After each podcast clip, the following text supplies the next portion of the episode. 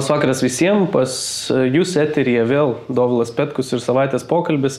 Na, o aplinkui siaučiant karui, natūralu, kad mes turime didžiulę diskusiją apie tai, e, ką daryti su ta karo propaganda, kuri e, egzistuoja aplink mus. E, vyriausybė pateikė įvairių pasiūlymų, kaip galbūt reikėtų riboti tokius kanalus ir natūraliai kyla įvairūs nuogastavimai dėl galimos cenzūros ar net pasikesimo į žodžio laisvę Lietuvoje. E, apie visus šituos procesus ir kur brėžti tą ribą tarp e, trukdymo Rusijos propagandai, karo propagandai ir, ir, ir kur jau yra pasikesinimas į žodžio laisvę, apie šitos iššūkius mes šiandien kalbamės su e, pirmuoju kultūros ir švietimo ministru, Vilniaus universiteto dėstytoju, daktaru Darium Kuoliu. Dariu, sveiki. Sveiki. Mėlyjei, šį pavasarį vėl prasidėjo gyventojų pajamų mokesčio deklaravimo laikas ir mūsų organizacija ProPatrija nuoširdžiai dėkodama visiems savo remėjim, kurie prisidėjo prie to, kad mūsų laidos taptų realybę, prašo skirti šią paramą mums ir toliau. Tik jūsų parama, kuri jums nieko nekainuoja, mums reiškia labai daug ir, na, visa jūsų parama leidžia tęsti šią ir dvasinę, ir intelektinę kovą Lietuvoje. Paremkite propatriją, deklaruodami savo procentus jau šį pavasarį. Instrukciją, kaip tai padaryti, galite rasti apačioje. Ačiū Jums.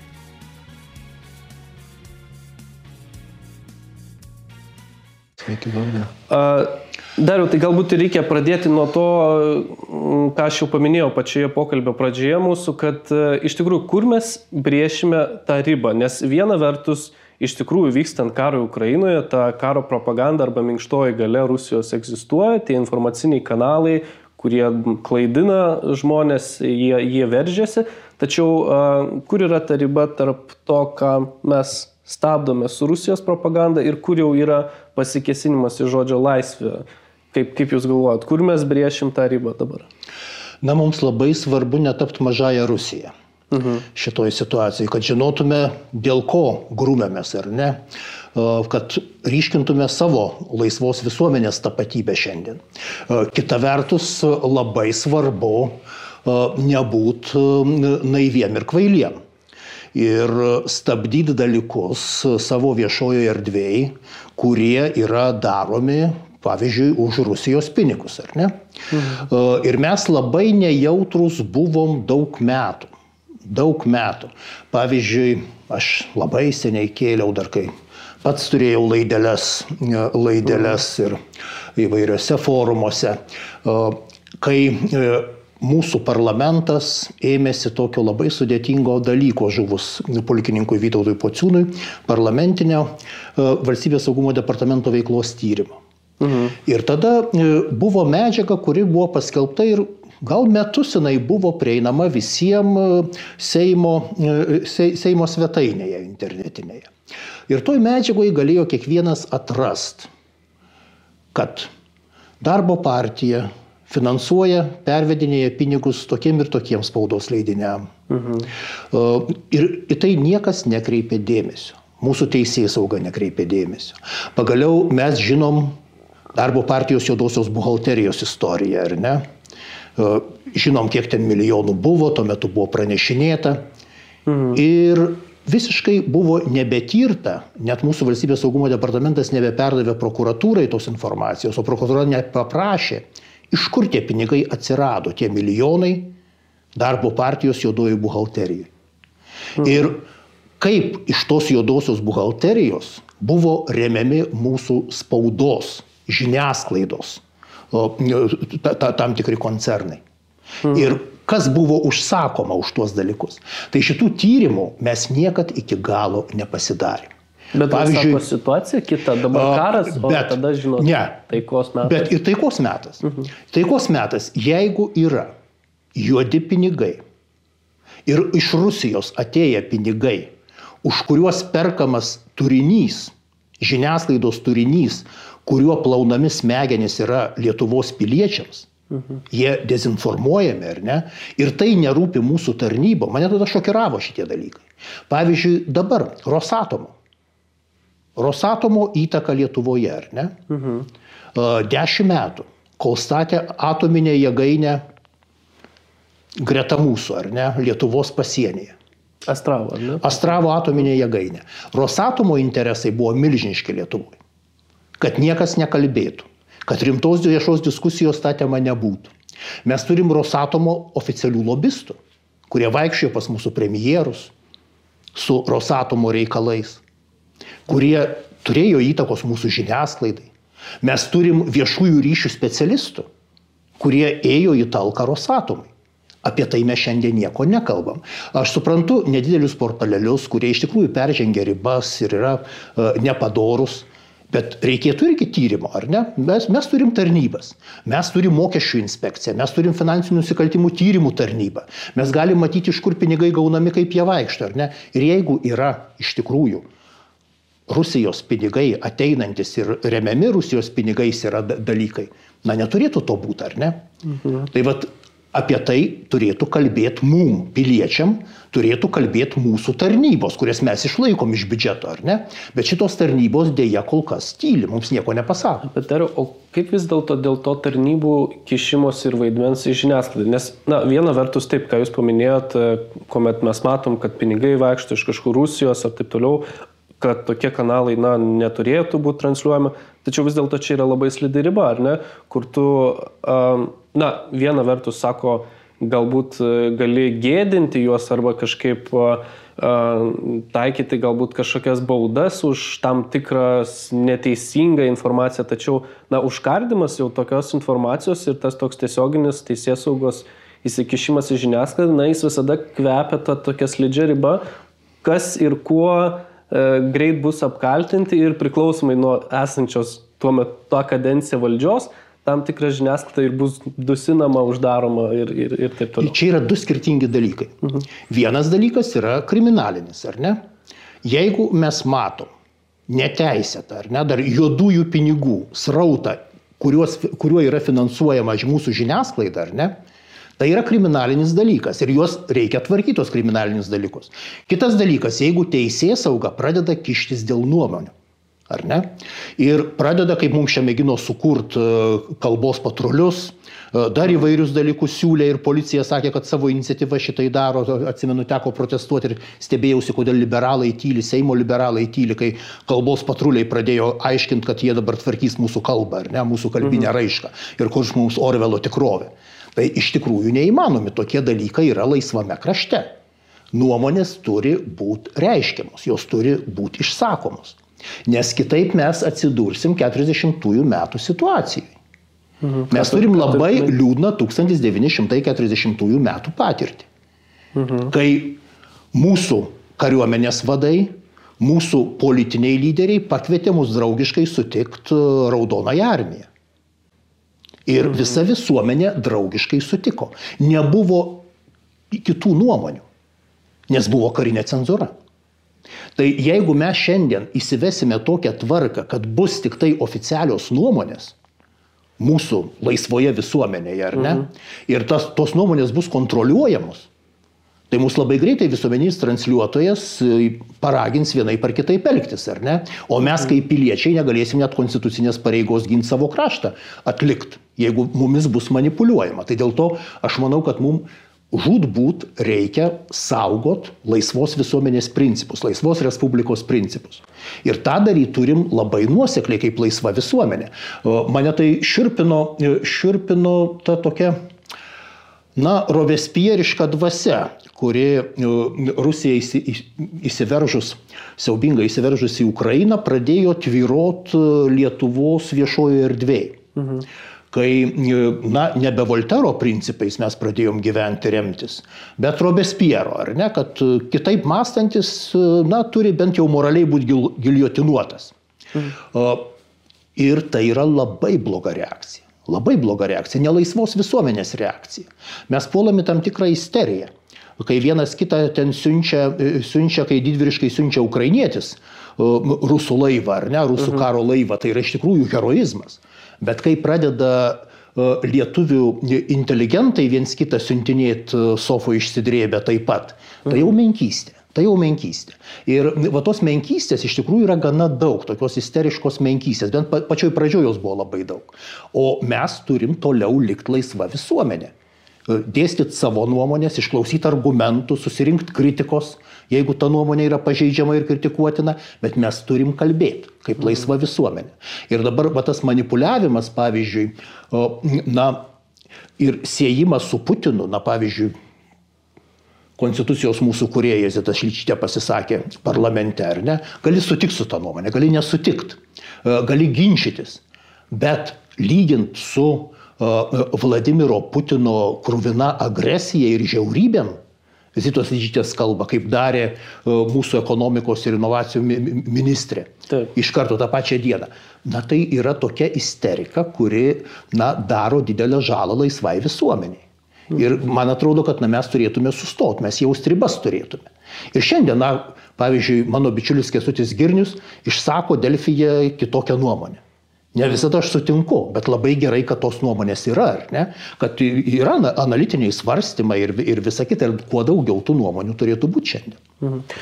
Dar, dar toksai momentas iš tikrųjų e, šiandien e, galbūt irgi teko jums girdėti, kuomet mes kalbam apie tas iniciatyvas vyriausybės e, dėl, dėl įvairių ribojimų, kurie susijęs su karo propaganda, tai šiandien vyriausybė iš tikrųjų nusprendė uh, sustiprinti ir žurnalistų etikos inspektoriaus galės. Na, ministrų kabinetas būtent teikia tokį pasiūlymą Seimui, kuris sako, kad e, žurnalistų etikos inspektorius galės, na, iš esmės be policijos ir be teisės saugos nurodyti, kokį, koks turinys, na, yra patenka į tą propagandos ar į neapykantos, labai plati, aišku, apibrėžimą, ar net turbūt ką, ką mes įvardinsim neapykantą, tačiau iš esmės jis turės galės apeinant teisės saugos institucijas pareikalauti pašalinti vienokį ar kitokį turinį.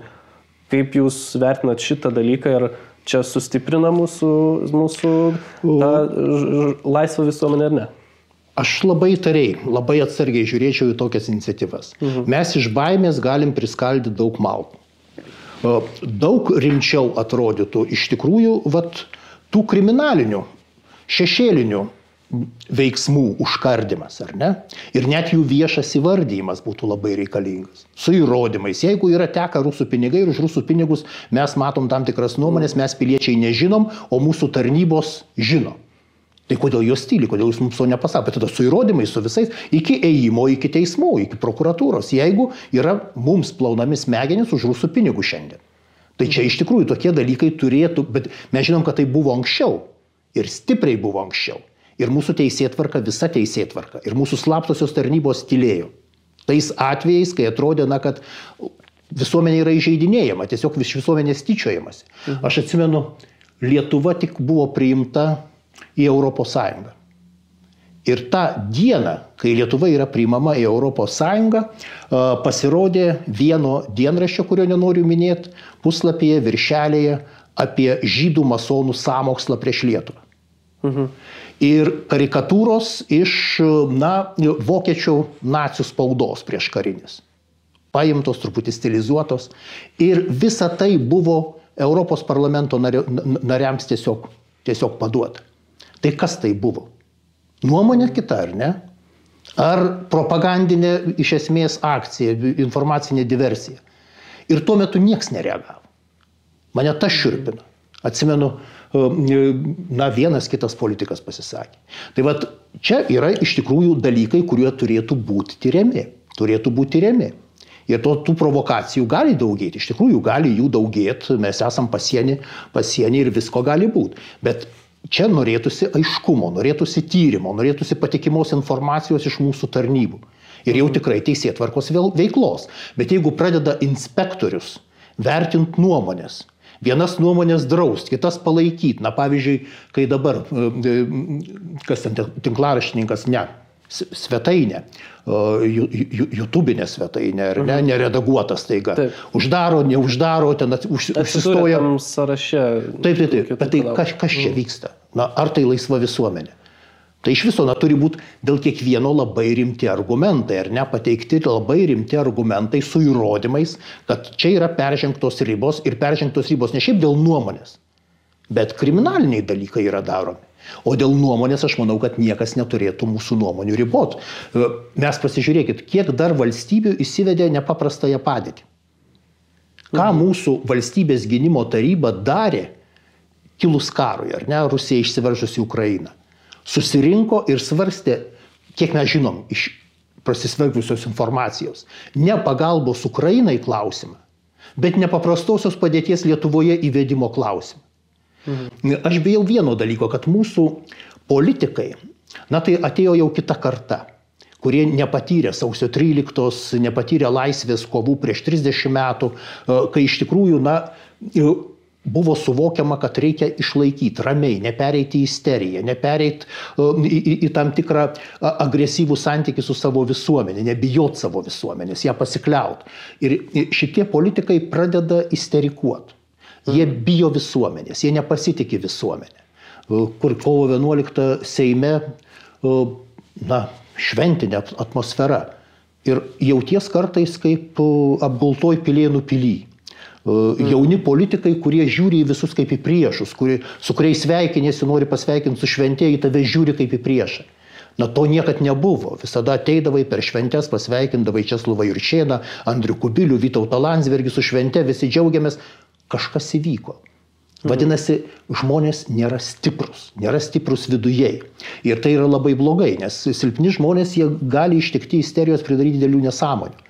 Ir šiuo atveju, na, mes turim viens į kitą žiūrėti pagarbiai ir stiprinti vienas kitą šitoje, šioje situacijoje.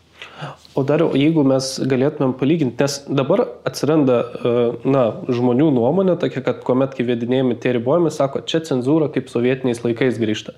Ar jūs galėtumėt palyginti vat, to meto cenzūrą su tuo, tuo tais ribojimais, kurie atsiranda dabar? Čia yra kokie panašumai ir kokie galbūt skirtumai?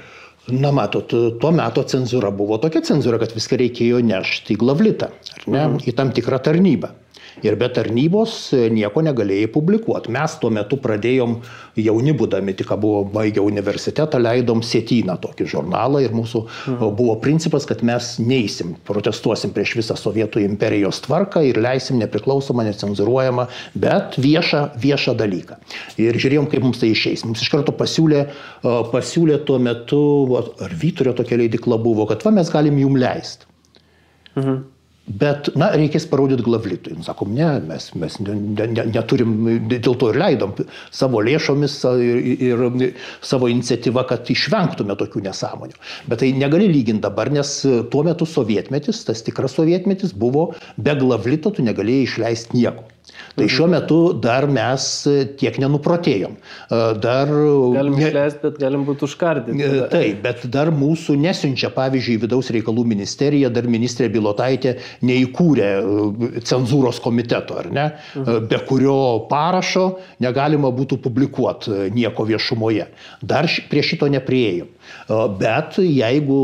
Tai... Bet čia turbūt tas svarbus žodis dar, kad mes apsitai jau pradedam svarstyti, 30 metų laisvoje Lietuvoje gyvenu, kad, na, dar, dar mes neprieėm. Tai neskamba jums paradoksaliai. Kažkaip. Paradoksaliai. Aš tai pasibaisėjęs buvau dėl kalbos patrulių. Mm. Tada ir ta tyla, parlamente tyla, na sėdi mano pažįstami, mano draugai ir tyli. Aš šito niekaip nesupratau.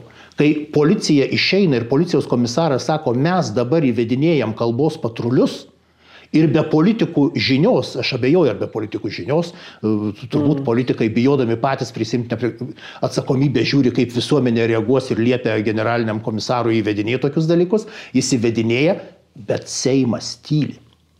Seimas tyli, Seimas viešai nesmerkia tokių dalykų. Tai vad šitoj situacijai, man atrodo, labai labai pavojinga.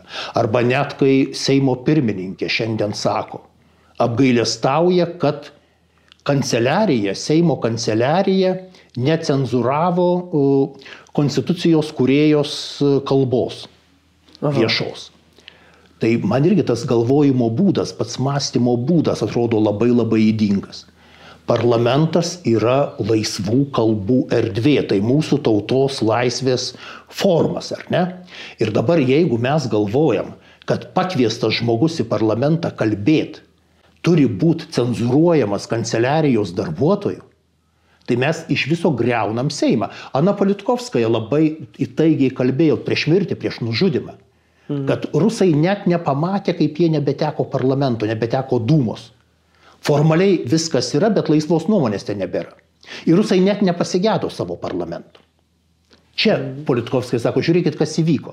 Aš bijau, kad mes šiandien, na, grėsmių akivaizdoje, ar ne, irgi nepadarytume visko, kad nesugriautume savo respublikos. O parlamentas yra respublikos pamatas. Jeigu ten bus tik cenzuruojamos ir daugumai priimtinos nuomonės, o iš visos reakcijos aš matau, kad taip nusiteikusi yra dabartinė dauguma išsigandusi visuomenės, tai mes iš tikrųjų turėsim tą putinišką Rusijos dūmą. Labai greitai tą galim padaryti. Tik patikėkim cenzuruoti kanceliarijos darbuotojai. O, o dar vis, vis dėlto, e, ar jūs matot priežastis, kodėl tada mūsų parlamentas taip elgėsi? Kas, kas nutiko tada tiem mūsų politikam, kas jų galvose, brandose taip pasikeitė, kad jie nori cenzuruoti arba tyli, kuomet jie mato kalbos patrulį. Kas pasikeitė? Kodėl anksčiau, galim sakyti, na, tokio lyg ir buvo politikai suprato, kad ta laisvos visuomenės toks laisvas kalbėjimas svarbu, o dabar jau tai yra problema. Atėjo nauja karta. Ir naujoji karta nejaučia, man atrodo, na, skirtumo tarp laisvo gyvenimo ir nelaisvo gyvenimo. Mes sovietmetį patyrę, na, aš jaunas sovietmetis, tokio maištingos dvasios buvau, ir, bet labai aiškiai skyriau laisvą gyvenimą ir tą sovietinį absurdą, prieš kurį visa dvasia priešinaisi. Ar ne? Tai nežmoniška, tai pasi... Dabar matai kartais sovietinės propagandos klišes. Vartojamas jaunų žurnalistų, jaunų politologų. Tai tiesiog sovietinės propagandinės klišės. Jie, kadangi tų dalykų nepažino, mhm. jiems tai atrodo visiškai natūralu, jie perima jas taip nesąmoningai, ar ne?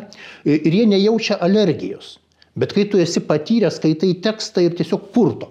Tai va čia aš manau, kad atėjo karta, kuri nejaut, nejautė skirtumo tarp totalitarinio režimo ir tikrai laisvos visuomenės. Net buvę komunistai, ar ne, kurie sėdėjo daug metų Lietuvos parlamente, jau nepriklausomos Respublikos parlamente, jie tą skirti gerai jautė.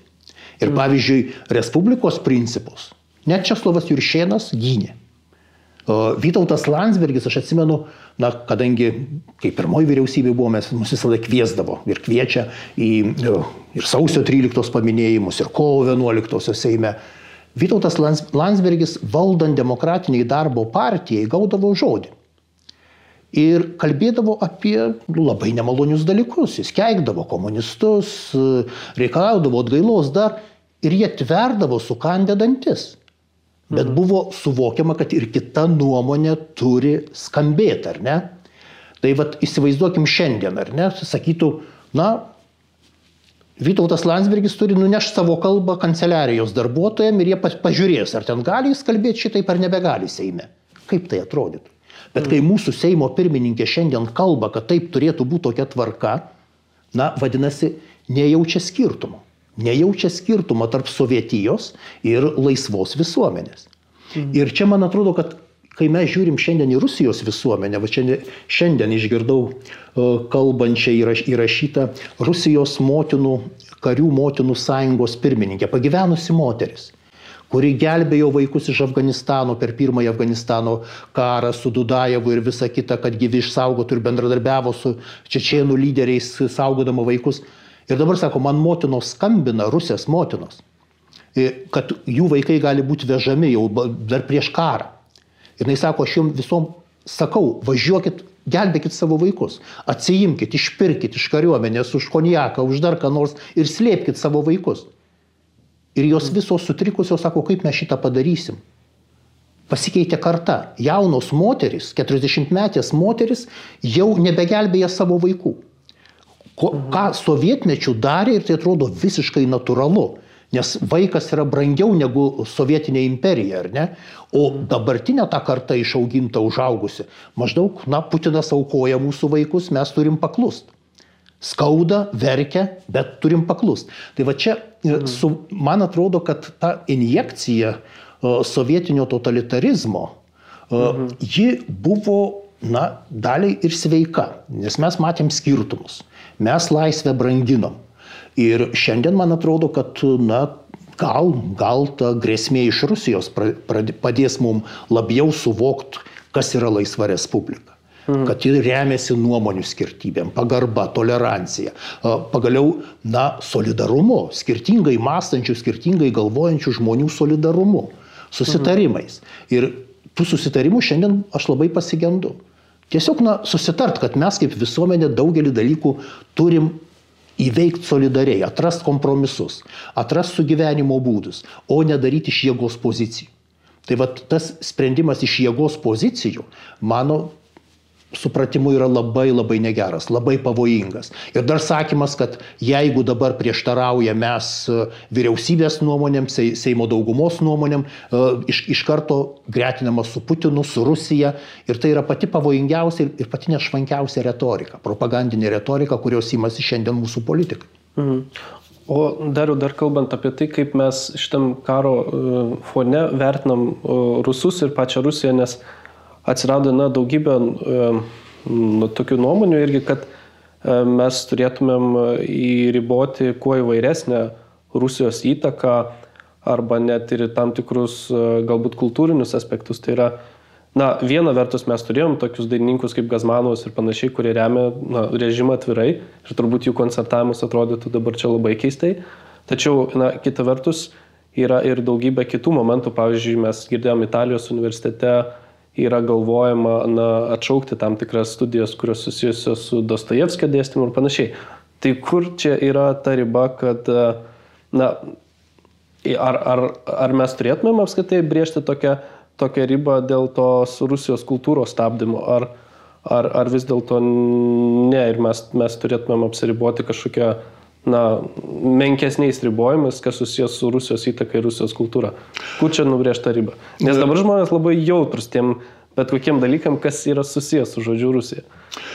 Aš manau, mes neturėtume pasiduoti, na, tokiam gentiniam mąstymui tautomis kuris buvo nubudęs 20-ojo amžiaus pirmoji pusėje. Mhm.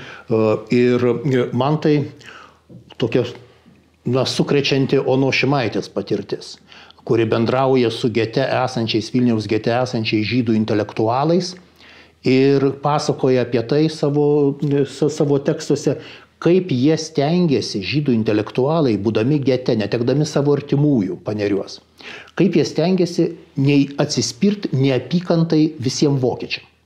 Vokiškai kultūrai. Ir paskui, kaip savo moralinį pralaimėjimą, kitas netekęs sunaus paneriuose sako, aš jau nebegaliu, aš nebekenčiu visos vokiečių tautos. Mhm. Tai pati Šimaitė ištvėrusi kankinimus, gestapo kankinimus, po karo rašo, aš myliu vokiečių tautą. Aš myliu na, kažkoks moralinis nes, iškilumas ne, nesvietiškas, ar ne, uh, sukrečiantis. Bet aš manau, kad mes turim šiandien skirt. Mes turim matyti Putino režimą, Putino užzombintą visuomenę. Žmonės, kurie daro karo nusikaltimus ir kurie neatsispiria karo nusikaltimam, kurie remia karo nusikaltimus, visa, visas propagandis. Mes labai atlaidžiai žiūrėjom ir vakarai labai atlaidžiai žiūrėjo į visą tokią fašistinę imperinę propagandą. Mhm. Tai įsivaizduokit, jeigu patys šlikščiausi propagandistai galėjo atostogauti ir turėti milžiniškas ir vilas, ir viską vakarų pasaulyje, ir būti vakarų pasaulyje sutinkami. Solovjovas dabar labai Taip, pyksta. Ne, ne, ne, bet, bet tai uh mhm. -huh. mes žiūrėjom labai labai atlaidžiai. Uh mhm. -huh. O iš esmės, na tai yra tie patys nusikaltimai, ar ne? Į Gebelso, tokią Gebelso laikyseną, elgseną, vakarai žiūrėjo pro pirštus. Į tai, kad yra, na, žalojamos, iš esmės žudomos vaikų, jaunimo sielos, ar ne, Rusijai tos baisios fašistinės propagandos. Į tai irgi žiūrėta pro pirštus. Tai yra nusikaltimai. Tai yra nusikaltimai. Bet kita vertus, matyt rusų disidentus, kurie buvo vieniši palikti, vakarų išduoti. Kai šiandien rusų disidentai sako, palaukit, mes buvom vadinami radikalais, kad mes trukdom Putinui demokratizuoti Rusiją, eiti evoliucijos keliu. Mes kalbėjom apie tai prieš 20-30 metų, mūsų niekas neklausė. Mūsų nuodijo Putinas, o vakarai į mus žiūrėjo kaip į išsišokėlius. Tai mhm. man atrodo, mes turim juos girdėti, ar ne? Mes neturim jų sutapatinti. Ir kitas dalykas, Rusija niekur nedings. Reikia galvoti, kaip ją e, dabar sako, nuatomint ar ne, atimti iš jos atominį ginklą, kaip ją demilitarizuoti ateityje, kaip ją e, iš tikrųjų nuimperint, nufašistint Rusiją. Tai čia labai svarbus uždaviniai vakarų pasauliui civilizuotam kyla. Bet mes turim būti susirūpinę demokratinę civilizuotą Rusiją ir remt Rusijoje tokias jėgas, skirti jas ir remt. Ir čia, man atrodo, mūsų kultūros ministro šūksnis iš pat pradžių neįsileisiu nei vieno rusų menininko į Lietuvą, na, skambėjo kaip mąstymo tautomis toks klasikinis pavyzdys, ar ne? Jeigu tas rusas menininkas bėga nuo persekiojimo, mm. nuo Putino teroro, mes jo neįsileisim. Ir, ir to, tokia šizofreniška laikysena mūsų vyriausybės. Ekonomikos ministrė sako, visus priimsim uh, informatikos specialistus ar ne, nes verslui gerai, o kultūros ministras tuo pat metu sako, nei vieno menininko neįsileisim. Na tai pasidėkit, pasitarkit, pagalvokit. Ir kaip nekurstit antirusiškos isterijos. Mhm. Mes negalim reikalauti, kad rusų pasaulio ir apskritai rusų kultūros nesmerktų ukrainiečiai. Mhm. Negalim reikalauti tos moralinės didybės iš žmonių, kurių vaikai žūsta ir kurie iš tikrųjų, iš tikrųjų ten yra. Bet patys turėtume na vis dėlto atsispirti. Atsispirti tai tokia juodai neapykantai, na mėginti tą juodą neapykantai įveikti. Mhm. Komarovskis, ukrainiečių pediatras Harkove, Harkove gyvenantis dabar garbės pilietis kovojantis už Harkovą. Jis pasakoja kaip vaikų gydytojas, sako, aš esu iš profesijos, tiesiog mano uždavinys yra tramdyti neapykantą, nes jis dirbo daug metų vaikų reanimacijoje, kai miršta vaikas, tėvai pirmiausiai kaltina gydytoją. Ir mano uždavinys sugerti tėvų neapykantą ir neatsakyti tuo pačiu, ar ne? Aš sakau, visa, nu, mano profesija buvo mhm. sugerti neapykantą ir įveikti savo neapykantą. Ir dabar, kai aš Harkove matau žūstančius vaikus, aš jau nebegaliu kovoti su savo neapykanta ir tai man, man baisiausia, kad aš nebeįveikiu savo neapykantos. Tai mes galim suprast šitą situaciją, ar ne, kad karys nebeįveikia neapykantos, matydamas išžudytas šeimas ir visa kita. Bet vis dėlto mes turim matyti ir tą Rusiją, kad ir sunku tai yra matyti, bet vis dėlto matyti. Ir Anos Politkovskajos, ir Sakharovo Rusija, ir Karamurzos Rusija, e, nu, turim ją matyti. Ir turim galvoti, kaip su tą Rusiją reikės mums toliau gyventi. Su karaliaučiaus intelektualais, karaliaučiaus universitetu, kurio rektorius yra Klaipėdos universiteto garbės pilietis ir kuris pasirašė Putiną remiantį raštą kartu su dviem šimtais kitų universiteto rektorių. Ar ne? Ir tame rašte reikalaujama Ukrainos denacifikacijos. Mhm. Tai šiaip Klaipėdos universitetas turėtų suklusti, ar ne, ir paskambinti savo garbės daktarui ir paklausti, ar čia tas parašas atsirado be jo žinios, tai Rusijoje galima ir tai būtų, ar ne, bet jeigu be jo žinios, gal jis galėtų pakomentuoti viešai tą mm. savo parašą, o jeigu ne, Tai va čia tų moralinių ribų brėžimas, aš manau, yra labai svarbus. Labai svarbus. Bet kita vertus, matyt ir kitą Rusiją. Mm. E, Matyti ir neimperinę Rusiją, matyti ir nefašistinę Rusiją. E, šito reikia. Bet dar kiek yra tas matymas apie na, tos neimperinės ar ne, nefašistinės Rusijos, kiek jis yra savotiškai na, realus, nes kuomet na, mes kalbam apie Putino režimą ir Putino aplinkos žmonės, Tačiau mes pasižiūrim ir statistiką ir, ir dabar, ar ne, vis, visos apklausos parodo, kad 70-80 procentų visuomenės palaiko tą, tą karą Ukrainoje ir, ir turbūt iš to kyla ir tas na, nusistatymas ir, ir, ir politikų, ir mūsų visuomenės, kad na, už tos nusikaltimus, kuriuos dabar daro, kaip ir kažkada, na, vokiečių tauta tam tikrą prasme irgi buvo atsakinga už Hitlerio veiksmus, nes na, jie žinojo demokratiškai, už ką balsuoja, balsavo už tam tikrą programą, už tai atsakė. Tai dabar irgi savotiškai ta, na, ir galim sakyti, na, tas antirusiškumas ir panašiai, ir nusiteikimas visos tautos atžvilgių kyla iš to, kad, na, jie politiškai, absoliuti dauguma, yra imperialistai ir jie, ir jie remia ir palaiko šitą. Tai nėra kažkokie vienetai, kurie tik įsitvirtinę ir juos, ir juos užteks tiesiog pašalinti keletą politikų, ar ne? Taip, taip, visu, vi, vi, vi, be visuomenės, ar ne? ne, ne nebūtų. ar yra įmanoma tai, tokia Rusija ir kaip? Bet šiuo atveju, jeigu mes pradedam taikyti kolektyvinės atsakomybės mhm. principą, mes pereinam į totalitarinių režimų praktikas. Mhm. Mes galim kalbėti apie kolektyvinį kalties jausmą, ar ne? Ir kad sąžiningas Rusijos žmogus, jis turi jaust kaltę, ar ne? Dėl to režimo dabartinio daromų nusikaltimų, karo nusikaltimų. Ir mes matysim labai baisių, siaubingų dalykų, kai dabar ukrainiečiai perima pokalbius ar nesmeninius pokalbius rusų karių. Mhm. Kai rusų karys žmonai pasakoja apie 30 nušautų civilių 30 nušautų civilių ir žmona natūraliai priima tą informaciją ir prašo dar atvežti e, priplėšto turto. Tai mes matom baisę degradaciją, ar ne? Baisę, siaubingą degradaciją eilinių šeimų. Bet aš čia matyčiau didžiulį skirtumą, kad mes, na, kaip Aleksandras Štromas sakė, net žydų forumuose kalbėdamas, mhm. kolektyvinės atsakomybės reikalauti vokiečių tautos mes negalim, nes tuo metu mes pereinam iš tikrųjų prie Stalino, prie Hitlerio principų. Ar ne? Reikalaujam vien dėl priklausimo tautai kolektyvinės atsakomybės. Ar priklaus, priklausimo vienai ar kitai klasiai, buržuazijai, kolektyvinės atsakomybės. Mm. Tai nėra civilizuotos visuomenės principai. Ir mūsų pasaulis yra labai trapus. Pažiūrėkit, kaip mes perimam labai greitai mūsų net komentatoriai, šitie nuomonių formuotojai, mhm. labai greitai perima šitai, na, tokią antirusiškos, antirusiškos kolektyvinės atsakomybės retoriką. Aš manau, kad tai pavojinga. Mhm. Mes turim iš tikrųjų įvardinti nusikaltimus, visus nusikaltimus. Bet aš čia Gario Kasparovo turbūt irgi dabar kalba tie rusų intelektualai, kurie buvo, na, priešinosi Putino režimui, kaip Andrėjus Pentkovskis, kuris negavo Lietuvos pilietybės, kai Putinas jį persekiojo, mes bijojom duoti jam pilietybę, jis prašė. Man dabar va, to, to, to, to, tokių istorijų, matydamas dabartinės situacijas, pamatau, kokie mes silpni buvome. Mesgi Belecki išdavinėjom, mes Penkovskijui pilietybės nedavėm, mes irgi buvom nedrasus ir baukštus. Bet Gario Kasparovo pastaba buvo labai gera kad nelabai galime pasikliautos nelaisvos visuomenės dabar apklausom.